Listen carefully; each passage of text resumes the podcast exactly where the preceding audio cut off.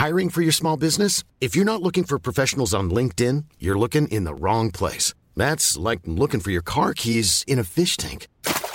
LinkedIn helps you hire professionals you can't find anywhere else, even those who aren't actively searching for a new job but might be open to the perfect role. In a given month, over 70% of LinkedIn users don't even visit other leading job sites. So start looking in the right place. With LinkedIn, you can hire professionals like a professional. Post your free job on linkedin.com slash people today.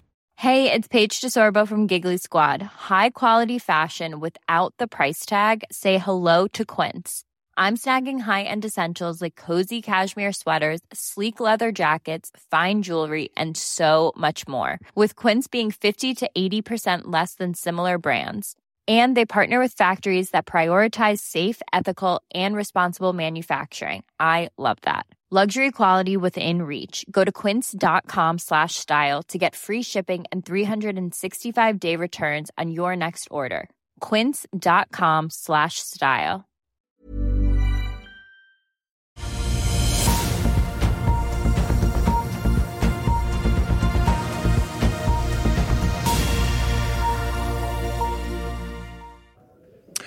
Telenor lander en av Sørøst-Asias største fusjoner. Quantafuel har fått en frier på dør, og finansnæringen satser eh, vel, ikke alltid, kanskje, men en god del på atomkraft for å løse energikrisen. Det er eh, onsdag 1. mars. Velkommen til Børsmorgen her på plass fra Grand Hotel i Oslo, der vi fortsetter energistafetten denne uken fra Paretos kraft- og fornybarkonferanse i går til da Sparebank1 Markets energikonferanse, som skjer hvert år her på hotellet, som skal da løpe i dag og i eh, morgen. Vi har selvfølgelig med oss masse spennende spennende gjester. Og jeg har også med meg aksjekommentator Karl Johan eh, Månes. Tenkte vi må titte litt kjapt på markedene og oppsummere februar litt, nå som vi da er i gang med en eh, ny eh, måned. Hovedindeksen på Oslo Børs endte jo da opp 0,3% i går. Endte dermed februar opp 3,8 og ligger an, i hvert fall så langt i år, da inne med en oppgang på 4,4. I dag venter det med Markets en flat start på børsen, mens Nordnett ligger inne med et estimat på en drøy kvart prosent. Får vi si, Godt hjulpet av en oljepris, i hvert fall hvis vi ser på Brenten, som nå ligger rett uh, opp en prosent omtrent i spotmarkedet til noen cent under 84 dollar per fat. Den amerikanske lettoljen på 77,52.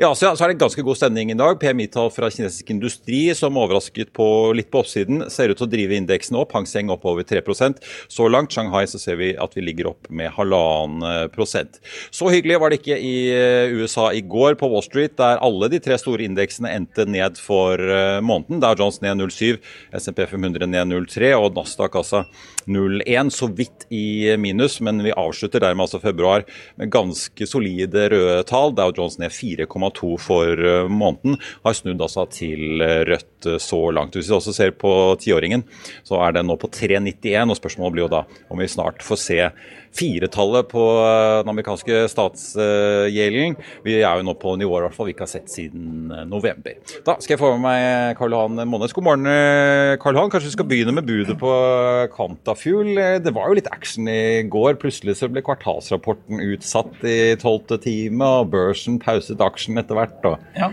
Men det, det, positive her er jo at det kommer et eh, bud fra et private equity-selskap, så de er jo med på å berge dette. her. KKR vil jo kjøpe hele KKR selskapet? KKR er med på The Plunge Protection Team. Altså. 638 er tilbudet? Ja, ja, de kommer inn her. Vi skal ikke ha noe uro. Dette her er jo, dette er jo Powell sin eh, det, her, det er jo den industrien han kommer fra. Men det er klart, fra Quantafuel, da, høye strømpriser, og de ser jo også det at det er andre selskaper som har kommet lenger i teknologien i USA. Jeg er lyks med flere produktstrømmer på flere typer plastikk.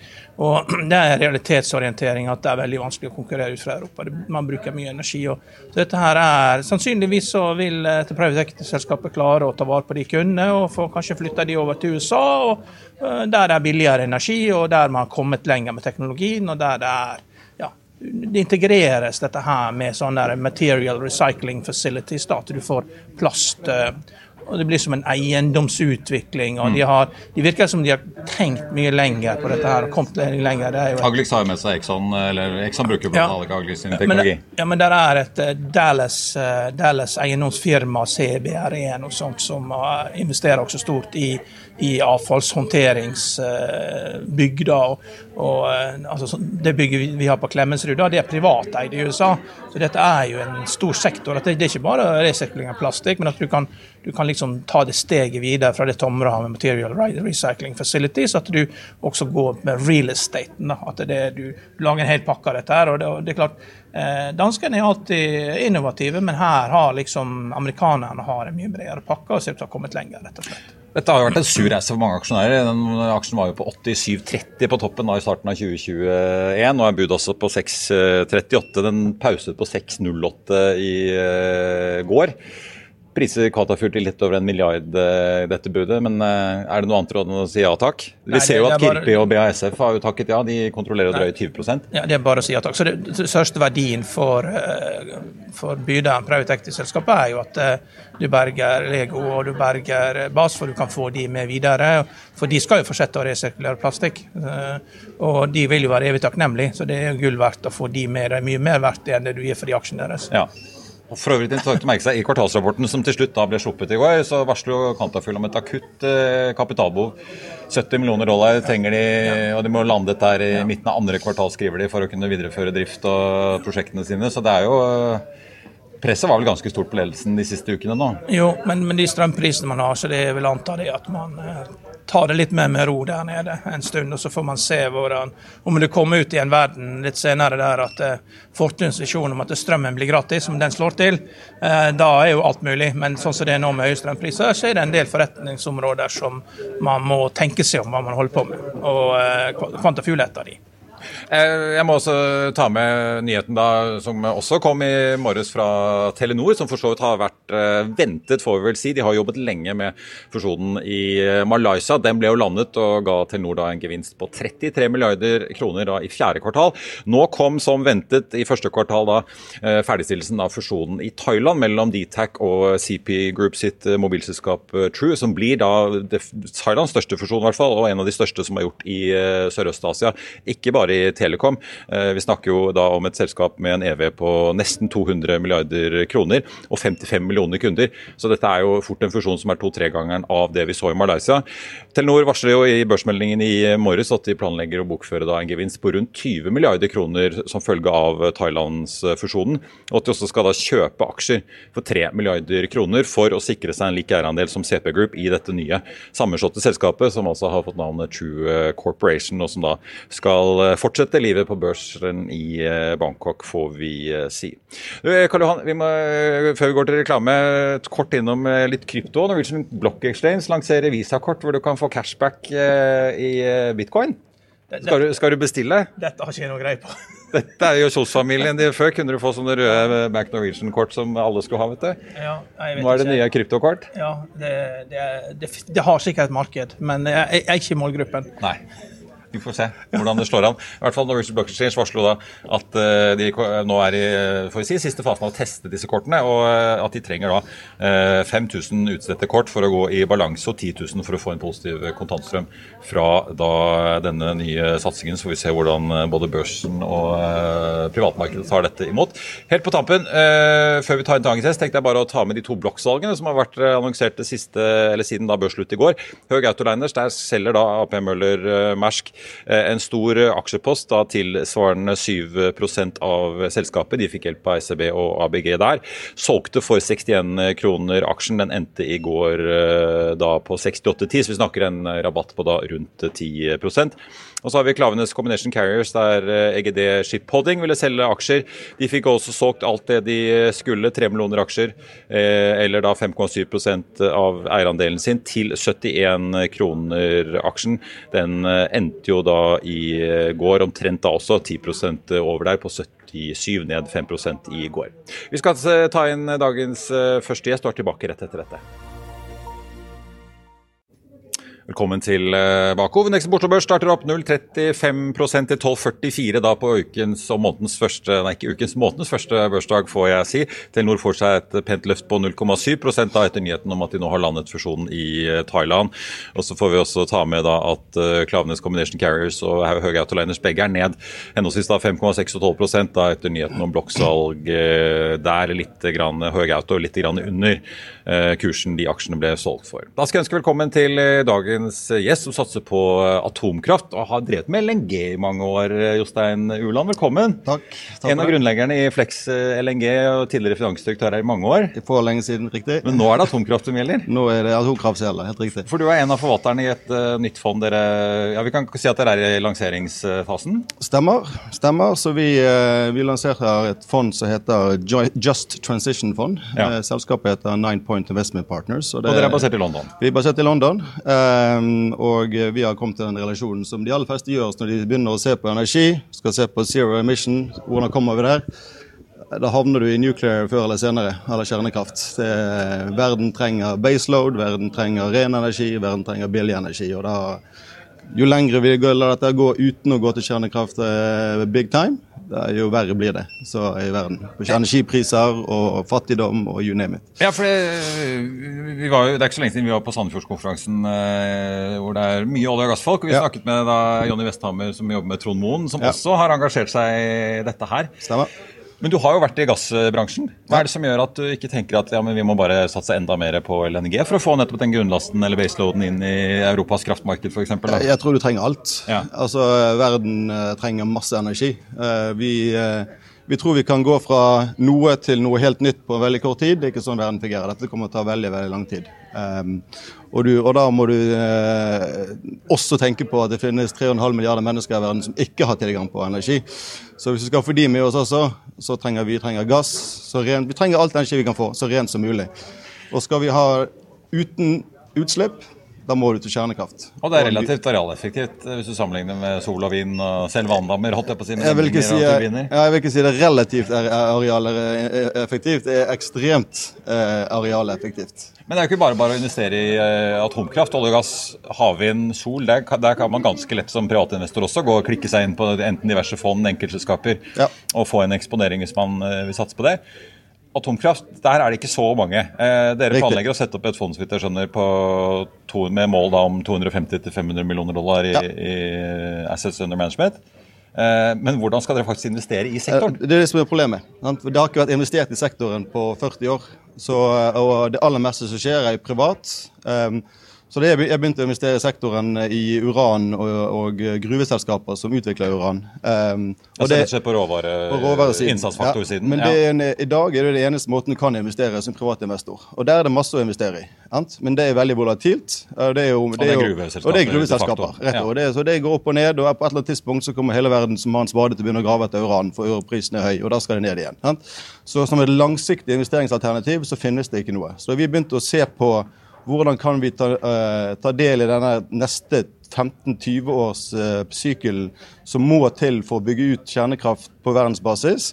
Så må vi gjøre dette i et private equity setup. Så du må investere i, i private selskaper, du må investere i teknologiselskaper som utvikler disse nye, avanserte reaktorene. Sant? Små modulære reaktorer som kommer nå de neste fem årene eh, verdikjeden rundt det. Hvis, når vi ser på selskapene rundt der, de, de, er underkapitalisert. De har drevet på med dette nå med små handouts som myndighetene i USA og Europa for peanuts, basically. Sant? Ja, for dette de er primært selskaper i Europa og USA eller Nord-Amerika? Vi må fokusere på Europa og USA, ja. ja. Det, når det er sagt, så er jo det er ikke noe tvil om at uh, kineserne er milevis foran Vesten i dag på den teknologien. her. De bygger i dag. I Kina bygger de nå avanserte kjernekraftverk som kommer uh, på griden i løpet av de neste årene. Her i dag, i Europa og USA, så er vi fem til ti år bak de. Og dette, Her må det skje en catch-up. Og det er den catch-upen vi vil ta, ta, del i. Og vi tror investorene ønsker å ta del i, og det merker vi. Det er jo en ekstrem interesse der. Problemet vi treffer når vi ser investorene, er hvordan investere. Det er ja. ingenting å investere i. Det, det jeg ser dere har en tredeling i hvert fall i prestasjonsmaterialet. Det er da råvarer som var hjemme på, og så har du en del eh, som utgjør, kan utgjøre inntil halvparten av verdikjeden. Altså leverandører, teknologileverandører, eh, byggefirmaer, holdt jeg på å si, ingeniører. Ja. EPC-delen av det. Og så har du 0-20 i faktiske prosjekter, sånn jeg leser ja. Eh, tilbudet til investorene. Stemmer. Så dere vil også faktisk gå inn og være en utbygger eller eier av disse anleggene, hvis det lar seg gjøre? da? Ja, det, jeg tror det, det, altså Vi har sagt det er mer optimistisk. Ja. Det, er, eh, det, er nok mest, det er en annen type kapital. Dette er mer private equity, det er growth. Dette er mer for å komme inn tidlig i selskapene, i teknologien og, og, og uh, verdikjeden. For å løfte dette frem de neste par årene.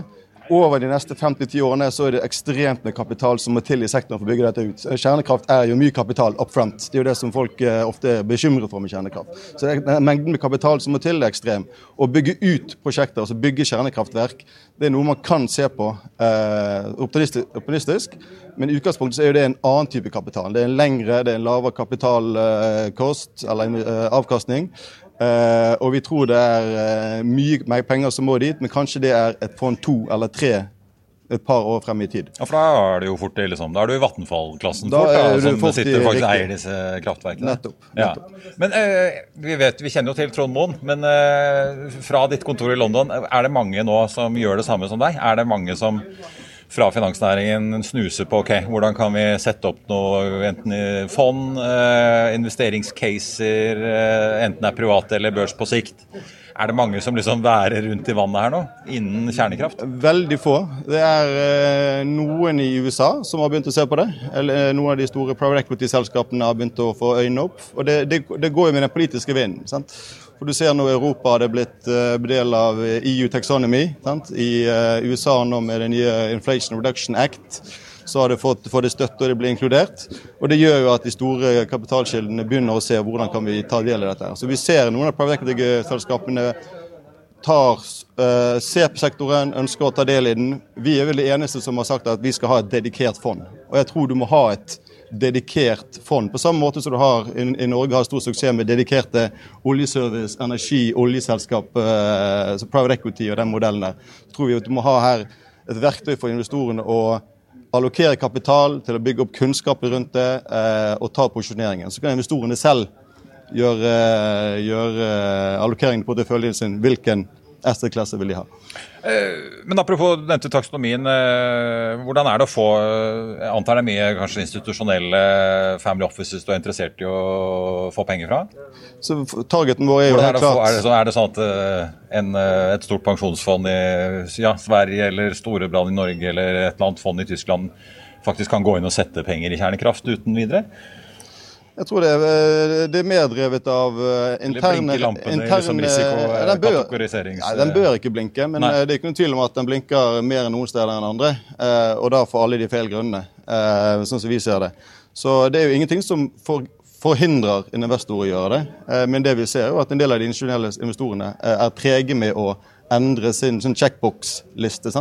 Hvor de, hvor de, av en eller annen grunn har hatt kjernekraft på feil, feil side i mange år. Så vi har fokusert på uh, family offices, uh, high network individuals, gjerne som kjenner energi, kjenner uh, infrastruktur, kjenner den type prosjekter godt. store strategiske investorer som igjen har enten stort kraftbehov, sant? det kan være utilities, det kan være refiners, oljeselskaper som, som skjønner dette her, som skjønner, vet, skjønner verdien av baseload energi eh, som er rent. Dette er løsningen, Det er løsningen for de aller fleste sektorene som er på jakt etter av de vanskelige sektorene å dekarbonisere. Det er én ting å putte opp en, eh, en vindmølle og uh, kreere strøm litt, litt strøm 30 av tiden, men å dekarbonisere sement eller raffineringssektoren eller chemical-sektoren enorme mengder energi. Da, da, skal man oppnå det, da må man ha kjernekraft. Og det, det, skjønner, det skjønner, folk. Ja, apropos, vi vet jo hvor mye terawattimer norske gasseksporten tilsvarer. Det er jo godt over 1000 terawattimer i året. Apropos bakgrunnen din. da, Du har vært mange år i jobbet med LNG. Eh, nå er vi her på energikonferansen til Sparebank1 eh, Markets. Hva er liksom din take på hvordan år i år kommer til å se ut. da. Vi har sett gassprisen i USA ligger jo ganske liksom nesten ikke på rekordbundet, men det er lavt. Mye innlåst gass rett og slett fordi de får ikke fraktet det ut til Europa. Freeport i Texas er vel så vidt i oppstartsfasen igjen etter brannen der i fjor. Europa har også sett gassprisene roe seg litt fra de høyeste nivåene i fjor. Mange industriaktører har jo stengt ned, rett og slett. Hvordan leser du liksom markedet i år? Eh, veldig mange, eh, veldig mye smartere personer enn meg har forsøkt å spå eh, gassmarkedet og energimarkedet de siste årene, så jeg tror jeg skal bi meg ut på denne. Det blir ikke ny, ny? Nei, det, det, er full, full seven. Jostein Uland, lykke til med nye fondet, får vi si. Veldig Takk. interessant å høre. Takk for at du var med oss. Takk for at du kom med. Vi er straks tilbake rett etter dette. Hey, I'm Ryan Reynolds. Recently, I asked Mint Mobile's legal team if big wireless companies are allowed to raise prices due to inflation. They said yes. And then when I asked if raising prices technically violates those onerous two year contracts, they said, What the f? are you talking about, you insane Hollywood ass? So to recap, we're cutting the price of Mint Unlimited from $30 a month to just $15 a month. Give it a try at mintmobile.com slash switch. $45 up front for three months plus taxes and fees. Promoting for new customers for limited time. Unlimited more than 40 gigabytes per month. Slows. Full terms at mintmobile.com. I'll see you in court. Vi sier det ofte litt på spøk, men for deg som driver business, er det aldri moro å innse at du ikke har laget en 100 gyldig kontrakt. Du bør ikke risikere hele firmaet ditt fordi du synes dette med kontrakter er litt stress. En avtale er ikke en avtale. Du kan miste kunder, miste venner, ja, til og med miste inntekter om du ikke lager en skikkelig kontrakt, på alt mulig, egentlig. Men vi vet det er et styr. Kopimaskiner, tregprinter og haugevis av papir. Dessuten stoler vi jo på folk her i landet. Det er ofte litt kleint å skulle be om en signatur for alt mulig, ja, for mye av styret handler også om jakten på underskriften. Det finnes en enkel måte å løse dette på, Dukkobit, en trygg, effektiv og get this, gratis måte å sikre seg en god natts søvn pluss en juridisk bindende avtale. Dukkobit-appen har de strengeste sikkerhetskrav i bunn, samt en EU-godkjent og sertifisert teknologi. Framover vil det bli behagelig å spørre du, skal vi skrive under på det, eller? Kom i gang på dokobit.no. Velkommen tilbake. Hovedindeksen på Oslo Børs nå opp en halv prosent, så det ser ut til vi får en ganske pen start på da mars eh, måned foreløpig, i hvert fall. Ellers eh, så tenkte jeg vi får ta med da Høge Autoliners. Der ble jo det solgt en stor aksjebolk da AP Møller Mersk for 61 kroner. Den ligger nå på 59,40, ned nesten 13 i dag etter nyheten om det store salget fra det danske rederikonsernet. Klavenes Combination Carriers ned nesten 5% til 74,40. Der ble det jo solgt aksjer i den store bolken der for 71 eh, kroner aksjen. Ellers får vi ta med Norsk Hydro det ganske bra i dag, opp 4,4% blant de store og mest omsatte aksjene. Aker BP og Equinor eh, opp litt, grann, en snau prosent eh, begge to, men eh, de har altså skjøvet ned av pallen av Høgauto og, og Klavenes Combination Garris. Karl Johan, eh, vi må snakke litt om Wall Street og litt andre ting som har skjedd også, ikke bare atomkraft og olje og gass. Skal vi ta Klarna først? Ja. Altså et tap. Eh, mange fikk jo med seg i fjor da de hentet penger, så ble verdsettelsen plutselig kappet 85% Nå kom de med tall for fjerde kvartal eh, og tapte altså 10,5 milliarder svenske kroner i 2022. Ja, men vi har, vi har, skrevet en kommentar om dette, her, og det betyr jo at de har hatt et relativt bra fjerde kvartal. For de lå jo an til å tape nesten 9 milliarder allerede etter tre kvartal. Men dette her er jo sånn, nok et sånn nullrenteselskap eh, som har en utrolig dårlig forretningsidé, og sammen med Affirm i USA. og det fungerer sånn noenlunde når renten er null, at folk gjør opp for seg. Men med en gang rentene begynner å gå, så er dette her Taptes over 7 milliarder i 2021, over ja. 10 milliarder nå. Ja, Omsetningen øker jo ikke, men, jo da, men det er store tap. Det, det er én mulighet, og det er å klare å gjøre seg om til et kredittkortselskap. Et rent kredittkortselskap der at du tar deg godt betalt. Da. Men det er litt seint, for det er jo ikke det produktet er. Mm. Kredittkortselskapene, det, det, er jo veldig lønnsomt, men da må jo du, da må du ha, eh, da må du ha de rette kundene og ha de rette strømmene. strømmen. Så Avisa og, og, Mastercard har jo Jeg vi har skrevet om det også. Vi har skrevet både om disse Klana og Affirm, og også om Visa og Mastercard, hvor altså de er, beholder sin markedsposisjon. Nesten en halv trillion dollar i market cap på begge to selskapene. Og de er, har ikke blitt angrepet under pandemien, har klart å forsvare sine markedsposisjoner. Og, og, og, MX har ikke tatt inn på det. MX er jo det selskapet som er high end oppi dette her, som mm. leverer ekstra tjenester som gjør at du en gang i livet får disse billettene til hockey-VM OL-semifinale som gjør at du er evig takknemlig, som du ellers aldri ville fått. ikke sant? Companion ticket på SAS, ja. NX. på MX. Dette er mange glad i. Ja, ja. Ja, men, Det er jo, ja, men det er jo betydelige tap. De får inn mye data på disse kundene sine, hva de kjøper. og ja. Som han sjefen stadig skryter av, du får ikke bare vite at du har kjøpt på HM, du får vite hvilken, hvilket plagg og hvilken størrelse. Jeg, jeg syns det, det, er flaut at folk går og skryter at de har vært med å starte dette her. Ja. Det er jo helt klart en dårlig business. Og jeg har foreslått at man må starte et eh, museum, Klarna museum ved siden av Vasamuseet, for å vise dumskapen vi har vært med på i denne syklusen her. Ja. Vasaskipet gikk ned 10% av Sveriges BNP fordi man bygde en ekstra rad med kanoner her. Og det er dumskapen her er på samme nivå. Altså, vi, du må jo forsøke å tjene penger. Det virker ikke som de prøver engang. Nei. Det, uh, apropos uh, tjene eller tape penger. Nå er jo litt, eh, litt syrlige kallenavnet på Goldman Sachs blitt Goldman Cracks, har jeg sett på Wall Street. Eh, de endte jo ned 3,8 i går. Hadde sin andre Investor Day, eh, altså kapitalmarkedsdag, noensinne. Sier de vurderer fremtiden for consumer business. Apropos hvor de har tatt mye penger. Ja, men det er som sagt at de, David Solman er under litt press nå? De var tvunget til å starte bank fordi de, fikk, de ble erklært som bank fordi de fikk 40 milliarder dollar eh, finanskrisen, og da ble du tvunget til å starte bank. Kanskje bare late som du er bank. Eh, og da eh, det, det, har ikke gått så bra. Nå sier de skal satse på wealth management, og det er jo også altfor seint. Det er jo det er, det kan være det mest vanlige, da, det er jo eie indeksfond og eie obligasjoner. og, og verdiene falt jo med 20% i fjor. Det betyr jo at fiendene dine da er ned med mellom 10 og 20 Og eh, de har ikke de har ikke prosess. Altså firma de har ikke prosess, og nå har kommet så langt også at det for hver syklus er det et nytt produkt da, som løfter eh, det som gjør at du vinner in asset management. Og nå vil vi tilbake igjen der det starta, med at det ikke blir pengemarkedsfond, men det blir kanskje statsobligasjonsfond. Mm. Og Hvem er det som trenger pengene? Jo, det er jo den amerikanske stat, og det er statsobligasjonsfond. fordi at pengemarkedsfond det, det, fant man ut at det var ikke så trygt som man trodde. Og, og da gjelder det liksom og, og, hvem er det som har stordriftsfordeler? Det er sånn som Fidelity, den noen etter en fornuftig businessmodell. at du må, du må, Enten må du ha skalafordeler, må du, du, må finne, eh, enten må du ha lavest kostnader, så må du ha veldig god service. Og, og eh, Goldman, er, Goldman har ikke den uh, finessen. Altså de, hvis du ender opp som kunde hos Goldman på, uh, på, Asset Management, så er det fordi du ikke har gjort noe særlig undersøkelse på hva som finnes der ute. rett og slett bare fordi det er statusen.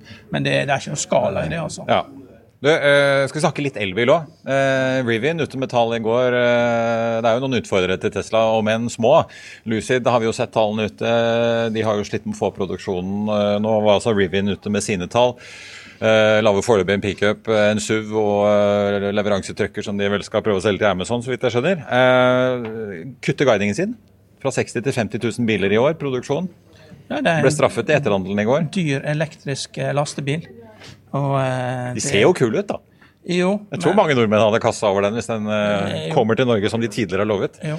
Det, det, er, mm, det, er, ikke sikkert det blir så lett som de trodde, for å si det sånn. Det er, for igjen, da, så Du må jo ha uh, skala for det. Bilmarkedet i USA er på en sånn 18 millioner biler, og halvparten av det er SUV-er. Og så skal de da inn med så har de 50 000 av de 9 millionene. Det, er ikke du er opp imot de aller største. Sant? Du har Dodge, du har, du har GM, du har, du har, Ford. ikke sant? Og det er, eh, det har konkurranse. Mm. Og de andre har skalafordelene. Så eh, ja. Vi får se. Vi har sett uh, også Ford slite med å få opp liksom, produksjonstempo på elbilene sine. Ja, Men det, det, fortsatt så er det sånn at uh, Tesla er en pyntebil i USA. det var i California kjørte opp og ned langs freewayen og så veldig lite Teslaer. Og, og, det er jo fordi at eh, den blir brukt til å kjøre til butikken. da. Mm. Det, er, det, er, show. Det ser bra ut. Det ser bra ut, ja. det er kult. Og, og, det er som å ha en fin håndveske. Eh, og eh, det, det, har folk, mange folk har råd til det. det og, det er, og, det er, en god bil å kjøre også. men det er ikke noe sånn freeway. Tesla er ikke noen freeway-bil. altså. Nei. Må ha litt røffere, røffere saker, så motorsyklistene feier mellom. På tampen, Karl Johan, hadde vi en ganske sur eh, børsmåned i februar. Vi så jo Dow Jones bikke minus på tampen her. og Nå jo, peker de fleste pilene grønt oppover rundt oss i Europa og på Oslo Børs i dag. Men likevel, eh, hvordan tolket du det vi så i februar? Det er, eh, det er jo på slutten da, at man begynner å erkjenne det at rentene skal videre opp, og at eh, man har drømt og man tror man skal begynne å sette ned renten. Og Det, det får konsekvenser, og det vil vi snart begynne å se. da, at man merker likviditetseffekten. og eh, Det er en del selskap som går i, i vifta. da, at du kommer ut, når Forrige helg så var det et selskap som ikke klarte å fornye et obligasjonslån på 222 millioner dollar. Stengte ned umiddelbart. Så, mm. det, så de som er uheldige da, og har obligasjonsforfall akkurat nå, så, så, går det fort. da. Og Litt som med kvantafuel også, at det er erkjennelsen at ting ikke går. Her er jo strømprisen og at det er energiintensivt. Så går det, går det veldig fort at man eh, kommer til løsninger at man må, må redde selskapene. Enten ved at de går konkurs, eller det kommer noen inn og, og tar over. Ja. Vi får uh, se hvordan marsmannen blir. Ja, og så Du har jo Tesla investordag i dag. Det det er i dag, ja. 1. mars. Ja, og Det er jo, det er jo rykter, rykter, rykter om at de skal starte fabrikk i Monterrey i Mexico. Og Det makes more sense hvis du skal lage småbiler enn å ha det i Texas. Så det høres mer fornuftig ut. Uh, fordi, da blir det nabo til Audi, som også har fabrikk i Mexico. I hvert fall, vet jeg. Ja. Mm. Så, men de er i hvert fall innenfor uh, NAFTA, da. så jo, da blir det tollfritt inn i USA. Ja. Vi har noen uker til. da, Det er vel 22.-23. mars det er rentemøte i Fed. og Det er også spekulasjoner om at de skal øke renten med 50 basispunkt. Mm. og Det var jo ikke snakk om i det hele tatt før. Så forstår seg på han nå sier jo det at man burde økt med 50 basispunkt helt til det smalt. For da ville man oppnådd raskere det man ville, da skape den nedgangskonjunkturen man er ute etter. og men jeg tror Powell er redd for konsekvensene. At det, at det kan få altfor store konsekvenser for de som uheldigvis må fornye lånene sine akkurat nå.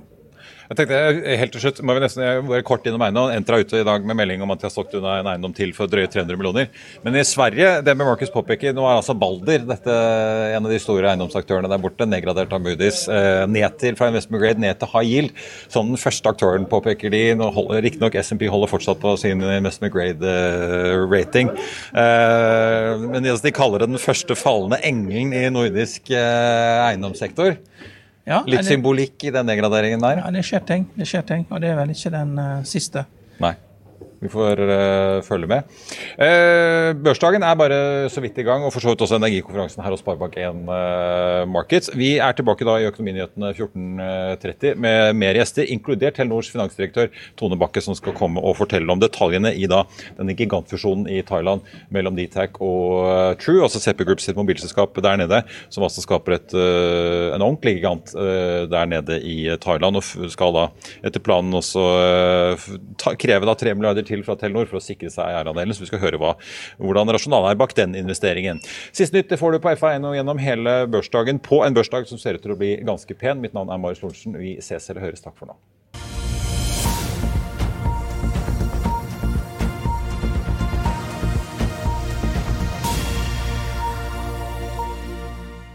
Økonominyhetene er en podkast fra Finansavisen. Programledere er Marius Lorentzen, Stein Ove Haugen og Benedikte Storm Bamvik. Produsenter er Lars Brenden Skram og Bashar Johar. Og ansvarlig redaktør er Trygve Hegnar.